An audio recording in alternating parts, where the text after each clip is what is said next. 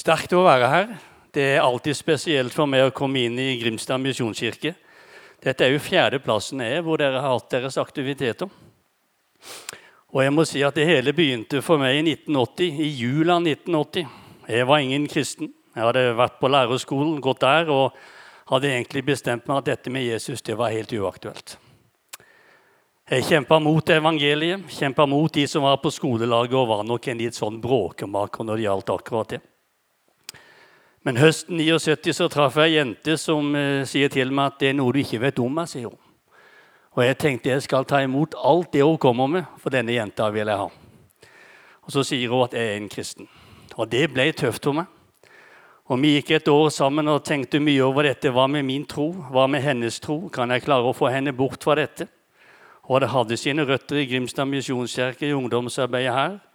Og i jula 1980 så fikk hun meg med på å synge jula inn på Skaregrømsjordet i Grimstad. Jeg følte meg liten, men jeg følte at de hadde noe som Rinum ikke hadde. Men jeg kjempa likevel imot.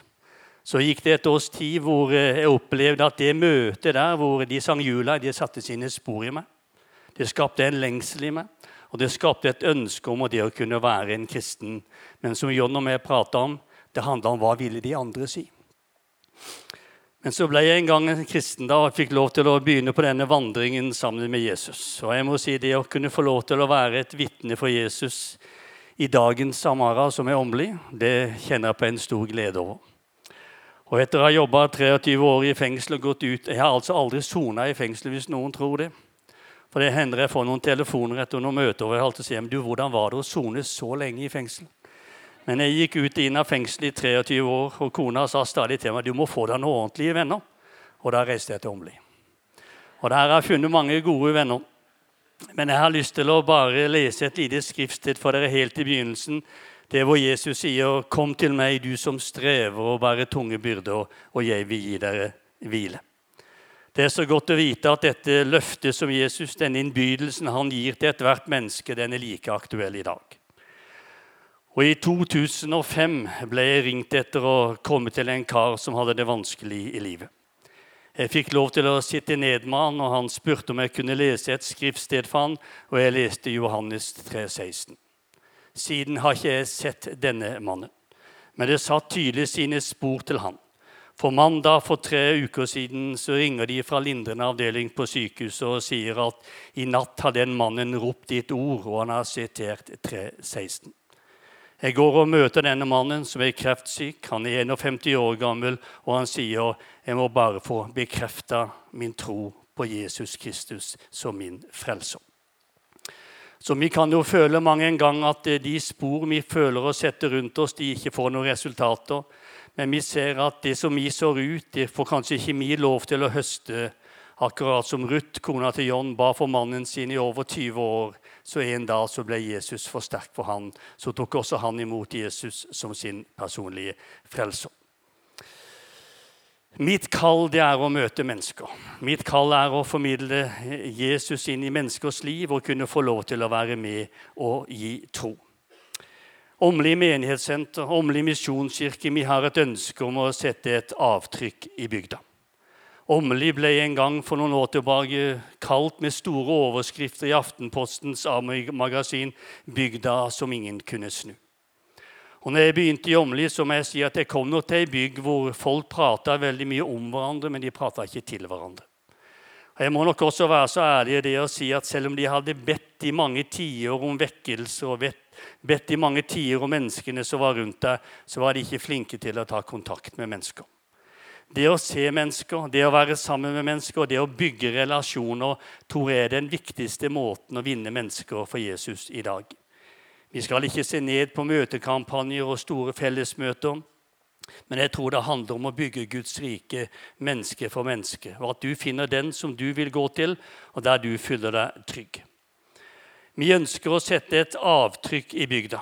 Og vi har jo, som jeg sa i stad, eh, et svært plakat, svært banner over menighetssenteret hvor det står 'Med hjertet for bygda'. Det er jo klart at Dette forplikter når vi skal gå ut og møte mennesker. Det forplikter når vi inviterer mennesker inn, at de møter mennesker som viser kjærlighet til dem, og mennesker som vil vandre sammen med dem både én uke, to uker, kanskje en måned og kanskje også flere år. Det bor 1800 innbyggere i Åmli. Det var en tilvekst i fjor på ett menneske. I Åmli bor det 35 nasjonaliteter.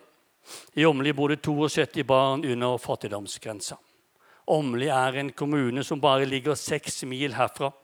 Men en bygd som ingen kunne snu, men som vi har et ønske om at Jesus kan klare å snu noen mennesker, hvor de kan oppleve at Jesus er nær også i deres liv. Jeg innleder med dette lille skriftstedet. Kom til meg, du som strever og bærer tunge byrder, og jeg vil gi deg hvile. Og Jeg syns det er så flott med dette lille skriftstedet, for her møter vi både en invitasjon fra Jesus, og vi møter også et løfte. Og Jeg ønsker å ha dette lille skriftstedet som en liten overskrift på det jeg skal få lov til å si til dere i denne lille halvtimen.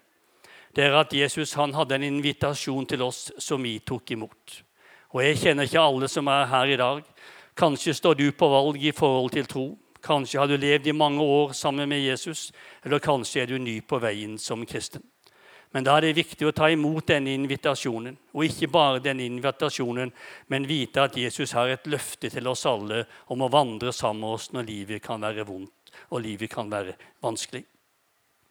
Jeg har lyst til å si til deg et lite skriftsted. Jeg ønsker også at du skal ta det til deg. Og du skal la dette forme deg i den plassene du velger å gå, hvor du setter dine avtrykk i hverdagen. Og I Hebreerbrevet 12,2 kan vi lese med blikket festet på Han som er troens opphavsmann og fullender, Jesus.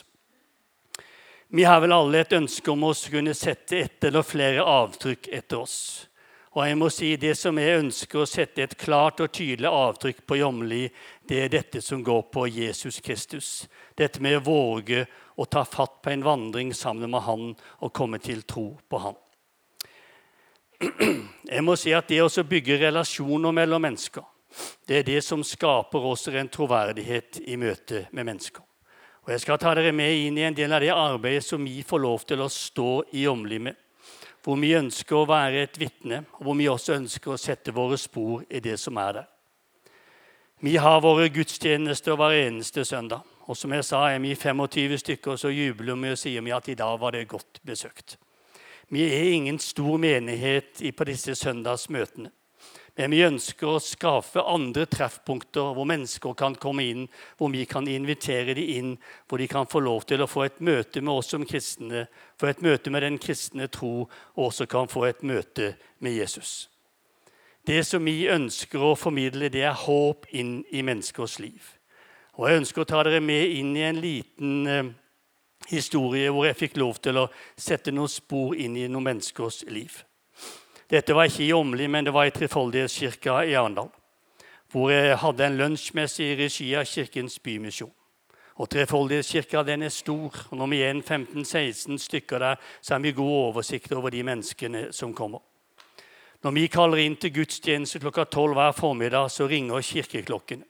Og kirkeklokkene for meg er et signal det at Gud kaller på oss mennesker, og menneskene kalles inn i den gudstjeneste og i Guds nærvær. Denne fredagen så ringte kirkeklokkene. Nede på politikammeret står en mor og en datter og leser obduksjonsrapporten på sin avdøde sønn og bror. Når kirkeklokkene begynner å ringe, så legger de denne rapporten sammen og sier 'Nå kaller Gud på oss'. Disse kommer vestfra i Vest-Agder. De går opp og kommer inn i kirka og setter seg på bakerste benk. Jeg får ikke hils på disse, men under selve seremonien så går de frem og tenner et lys i globen. De går til nattverd, og de går. Dagen etterpå ringer telefonen, og den mor som gråter sine modige tårer og sier i går fikk vi et nytt håp inn i våre liv. Denne lille gudstjenesten, denne lille halvtimen i Trefoldighetskirka satte sine spor i deres liv, og de så viktigheten av å søke nærheten i Jesus. De tok imot invitasjonen, og de kjente at det løftet som Jesus hadde gitt, det det sto fast. Åmli er en plass hvor vi tenker mye på hvordan vi skal sette våre spor der og der. Vi har begynt et arbeid blant ungdommen, som John sier. Vi begynte i det små, og vi opplever at eh, mellom 25 og 55 ungdommer kommer hver eneste onsdag til disse etter skoletidsamlingene. De får en andakt, de får et, eh, en middagsmåltid, og de får lov til å være en del av en ungdomsklubb. Og Jeg glemmer aldri den lille gutten som sto og venta meg på utsida. Han sto litt på hensida av menighetssenteret, og så roper han på meg så sier han, du må komme inn hit. Så sier han, jeg vil takke deg for at jeg får lov til å høre om Jesus på menighetssenteret. Denne lille samlingen satt sine spor i dette lille hjertet. Det som John og Ruth og de andre holder på med der oppe, det setter også sine spor i mang et hjem. Det gjør at foreldre er villige til å være med og støtte arbeidet. Og vi opplever at dette slagordet med 'hjertet for bygda' har fått en, eh, det har fått en mening i så mange menneskers liv og i så mange familiers liv. Onsdag for to uker siden så opplevde jeg noe som gjorde et sterkt inntrykk for meg. En ung gutt kommer inn på menighetssenter. Hans mor var reist til Radiumhospitalet for å begynne cellegift pga. kreft. John tar tak i denne lille gutten. Trykker han inntil seg, viser hans omsorg, stryker han over kinnet og sier 'dette vil bli bra'. Det er klart det å bli møtt med omsorg for en gutt som går i 9. klasse, en gutt som har sin mor inne på Radiumhospitalet, hvor han kjenner på usikkerheten, uvissheten og stiller mange spørsmål om hvordan det vil gå med min kjære mamma. Det at en av ungdomslederne tar han til side, ser han og viser han omsorg, det gjør noe med denne gutten. Og Det handler om å våge å vise omsorg til de menneskene vi får lov til å møte. Vi har også disse samlingene i Åmli hvor vi kaller inn mennesker til jul og påske og halloven. Og når vi ser at vi er oppe i over 220 mennesker som kommer, som får en liten andakt, som får et ord med seg på veien, og du kjenner på denne takknemligheten for å kunne få lov til å sette sine spor Hadde disse menneskene kommet én gang og aldri mer igjen, så hadde det ikke betydd noe for dem. Men når du kan kalle alle disse inn til deg, og der møter de kanskje ikke 35 nasjonaliteter, men vi opplever å møte muslimer, den kristne, og vi opplever også å møte humanitikeren som kommer for å være en del av dette. Og Det sporet som vi ønsker å etterlate oss, er at vi har med en Jesus å gjøre som ønsker å gi hvert enkelt menneske kjærlighet, gi dem trygghet, vise dem omsorg og rekke ut en hjelpende hånd når du trenger hjelp. Hver onsdag går jeg og setter meg på bakeriet. Og jeg må si Mitt ønske om å kunne sitte på dette bakeriet, som er samlingsplassen i Åmli, er å kunne være et vitne. Når du kommer inn på et bakeri, og menneskene kjenner ikke ditt ansikt, så, så kjenner du deg litt sånn svett i kroppen. Du kjenner hjertet slå litt, du er litt urolig om du vil få kontakt med noen. Og Når du også har litt frimodighet til å spørre kan jeg få lov til å sette deg ned ved bordet, så er det en som sier ja, du må selvfølgelig sitte her. Og Så sier han men jeg har jo lest om du. Jeg har lest dine andakter. De betyr så mye for meg. Da opplever vi hvor lite det skal til for å kunne sette noen spor i et menneskes liv og kunne få lov til å være med det mennesket på en vandring mot korset og en vandring mot det å si ja til Jesus. I så må jeg nok si at eh, de eldre de har vært flinke til å be. De har vært flinke til å ha sine møter og møtekampanjer. Men de har ikke vært så flinke til å ta kontakt med de som ikke lever akkurat sånn som de gjør. De er flinke til å prate om de, men de er ikke flinke til å prate til de. Og På et bønnemøte som vi hadde en onsdag morgen, så sier jeg at nå vil jeg ta, eh, ta kontakt med lederen av humanetikerne i Åmli. Da ble det stille, og de titter ned. Det må du ikke våge, sa de.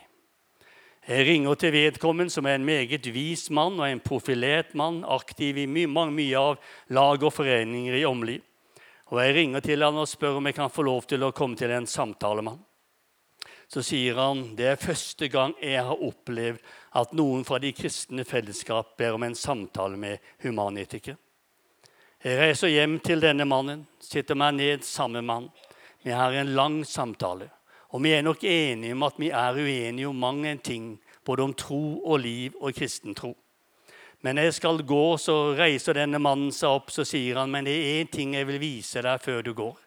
Så går han hen i sitt rikholdige bibliotek, og så finner han frem en bibel. Så sier han, min far som var en humanetiker, han har lest den bibelen fra perm til perm to ganger. Og når jeg skal gå, så tar han min hånd og takker for samtalen. Så sier han, men det er én ting jeg tror på. Jeg har tro på bønn. Det er klart, det møtet med denne humanetikeren det satte sin spor i meg. Men altså, det, mitt møte med han satte sine spor i han. Og jeg tror det er så viktig at vi våger å bygge relasjoner til mennesker. Våger å ta kontakt med de som vi kanskje kjenner på en uenighet, men også en frykt over å møte. For vet du hva Jesus sier? Han er villig til å gå med med det mennesket som er villig til å vandre ut for å gi mennesker det evangeliet. Jeg må si det at um, det å åpne opp menighetssenter for sjelesorg og samtale Det var det få eller ingen som hadde noe tro på. De trodde at ingen ville be om samtale, og ingen ville banke på døra. Men vi opplever nå at hver eneste onsdag så kommer det mennesker inn, banker forsiktig på døra og spør om en samtale. I sommer så var det en mann som bodde helt oppe i denne bygda, som banka på min dør. Han sier det at det er på kjøretur, sa han, men ikke for å møte noen. Jeg er på en kjøretur for å finne en plass hvor jeg kan gjøre mitt liv slutt. Men jeg visste at du bodde her i Grimstad, jeg fant din adresse, og jeg våger å banke på din dør og spør kan du og meg ha en samtale i sammen. Hver eneste onsdag kommer han nå til samtale i Åmli. Hver eneste onsdag kommer han inn og bygger relasjoner i forhold til meg. Og på den siste samtalen vi hadde, så sa han det mangler nok ikke så mye på at også jeg våger å bli en kristen. Og Da ønsker jeg å si til dere her i Grimstad våg å bygge relasjoner. Våg å ta kontakt med mennesker, og våg å si hva du står for. Lengselen ute blant menneskene, den er stor. Og hva møter vi der ute i vårt møte med mennesker? Vi møter mye sorg, og vi møter mye savn. Vi møter sorg og savn over det ulevde livet. Men vi møter også sorg og savn over de menneskene som har forlatt oss. På bakeriet, over en kopp kaffe, blir jeg sittende sammen med en bestefar. En bestefar som ikke sier så mye.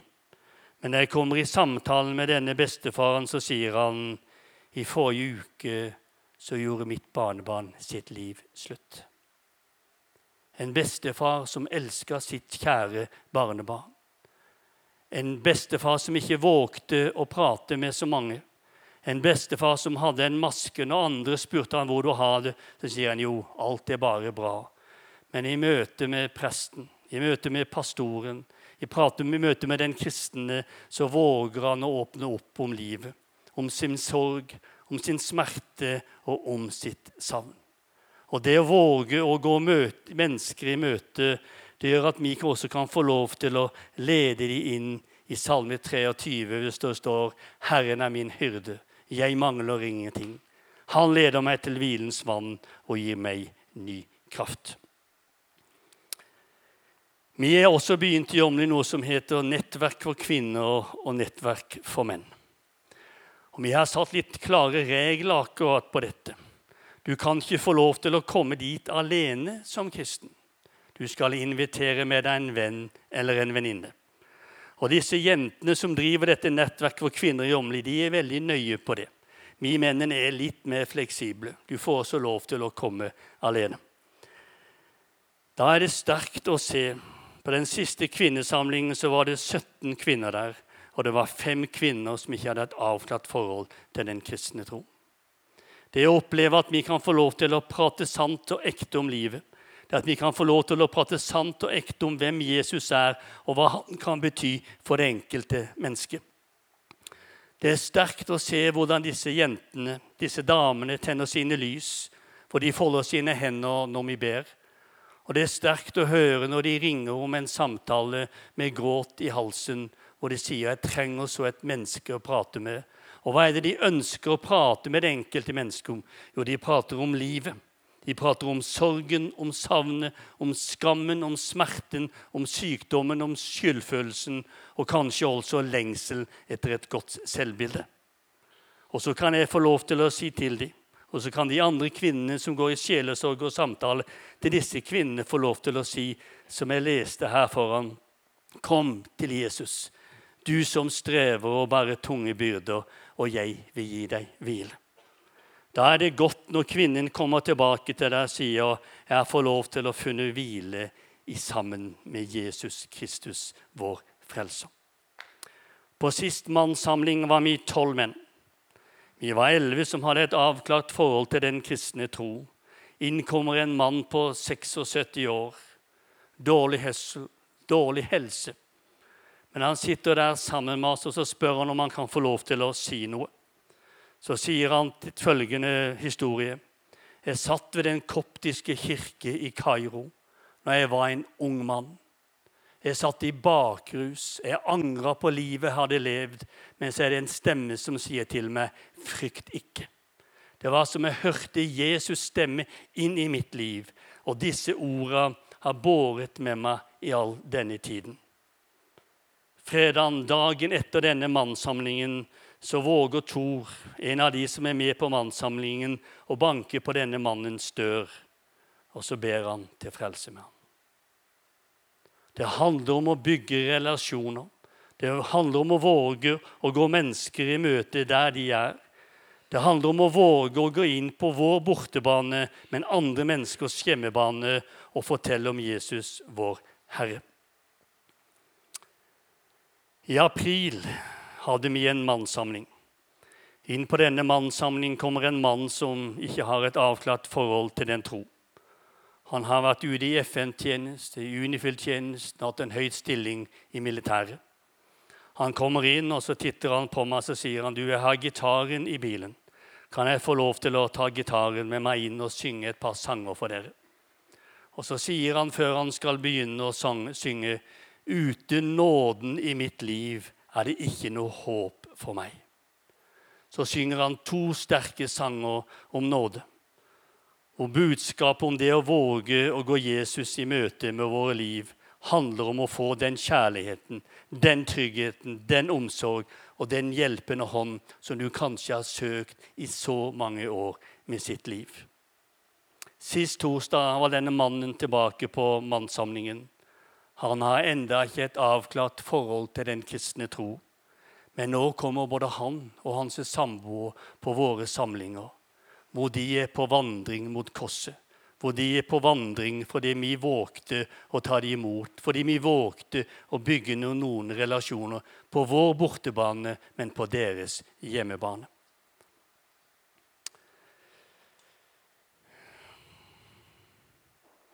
Jeg har lyst til å si litt om omsorgsbiten. Det å se det enkelte mennesket. Og vi vet vel alle det at når livet er vondt og vanskelig å leve, når vi kjenner på at vi kanskje befinner oss i Salme 22, hvor det står 'Min Gud, min Gud, hvorfor har du forlatt meg?'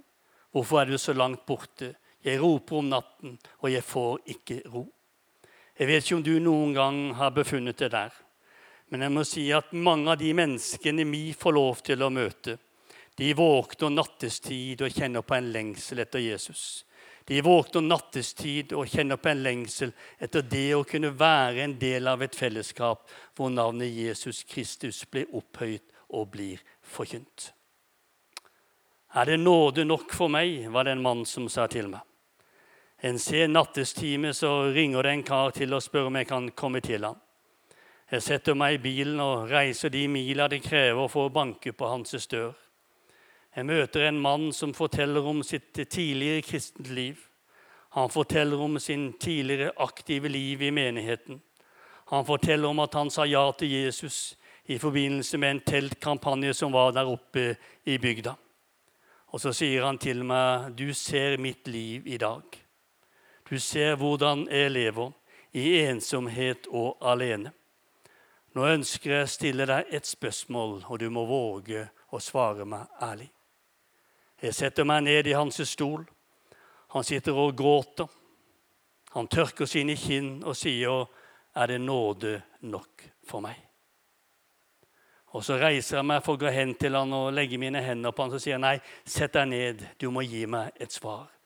Så sier jeg, 'Ja, det er nåde nok for deg.' Det å våge å kjøre en ekstra mil eller to det å våge å gå ut i det som kanskje er ditt eller mitt Samara. Det å våge å sette noe avtrykk på hva Jesus har gjort i våre liv, det vil også forme andres liv. Og det ville gjøre lettere for de å si ja til Jesus. I 1980 kom jeg inn her. På Skaregrømsjord, og de sang jula inn. Jeg så gleden. Jeg så begeistringen. Jeg kjente på lengselen. Men jeg vågte ikke å si ja til Jesus. Så kommer min mor hjem etter møtet i Trefoldighetskirka i Arendal og sier, 'Hva skal jeg gjøre med denne Jesus, Rino?' Så sier jeg til henne, 'Han må du bare glemme'. Men mamma sa ja til Jesus. Og to måneder etterpå dør hun i en alder av 46 år. Og den natta sier jeg ja til Jesus. På grunn av det avtrykket hun som i dag er min kone. Det hun hadde fått i Grimstad misjonskirke. Det var Tore, det var Vidar, det var flere som var hennes ungdomsledere. Men hun hadde fått noe. Det var avtrykket om Jesus i hennes liv som hun ville gi videre. Og det var det som skapte en lengsel i mitt liv. Etter å våge å si ja til Jesus, så har jeg fått lov til å satt mine avtrykk på de plassene hvor jeg har fått lov til å vanke.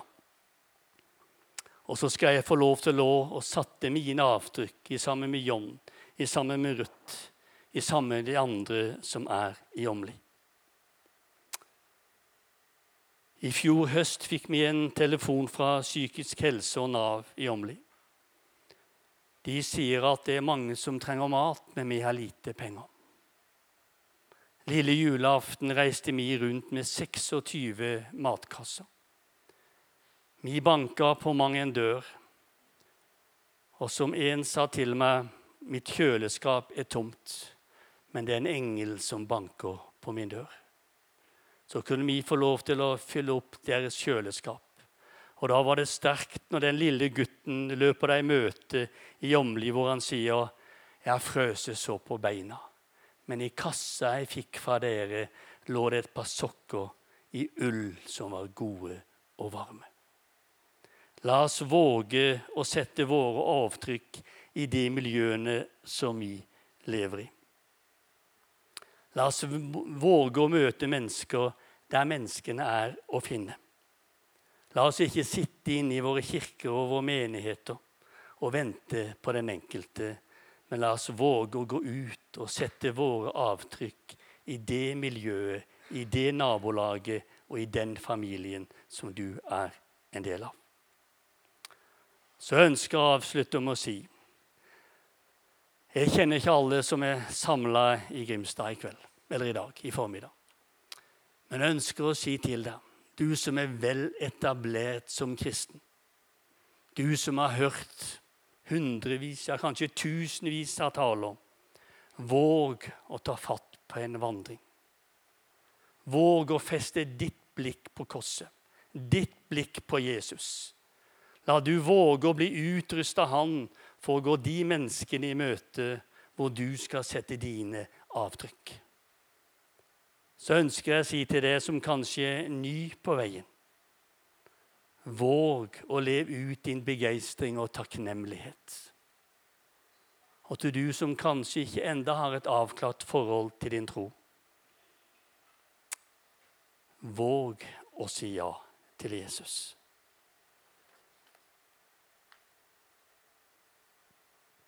Jeg har lyst til å fortelle hvor lett det kan være å sette et avtrykk i et menneskes liv. Vi får jo lov til å ha våre andakter i Agderposten en gang i uka. For noen år tilbake så satt en gammel kvinne på 83 år og leste mine andakter. På torsdagen ringte hun og spurte om hun kunne komme til en samtale. Som hun sa til meg, jeg leser alle andaktene. Jeg klipper de ut og legger de i en perm. Disse andaktene satte sitt avtrykk i hennes liv. Hun kjente på en lengsel etter Jesus. Hun kommer til meg til samtale. Og Så sier hun til meg det at du ser at det er en gammel kvinne. Jeg er syk og vet ikke hvor lenge jeg har igjen. Men jeg har hatt ett ønske, en lengsel, i hele mitt liv. Det er det å kunne få lov til å være et Guds barn. Så sier denne kvinnen til meg når hun var 17 år gammel, så ble hun gravid. Hun ble kjær i en av gutta i bygda. Og når hun måtte fortelle dette hjemme, så reiser far seg opp ved bordet og peker på henne og sier du vil bli aldri bli verdig til å bli et Guds barn. Du må gå opp i andre etasje, du må pakke din koffert, og du må forlate bygda. Så sier denne kvinnen til meg, men jeg har kjent på denne lengselen. Men jeg har aldri følt meg verdig til å være et Guds barn. Så nå vil jeg spørre for siste gang. Er jeg verdig til å være et Guds barn? Så tar jeg hennes hender, titter inn i hennes øyne og sier ja. Da reiser vi oss opp. Kinn møter kinn. Tårer møter tårer. Og sier endelig, la ankeret falle. Jeg er i havn. Amen.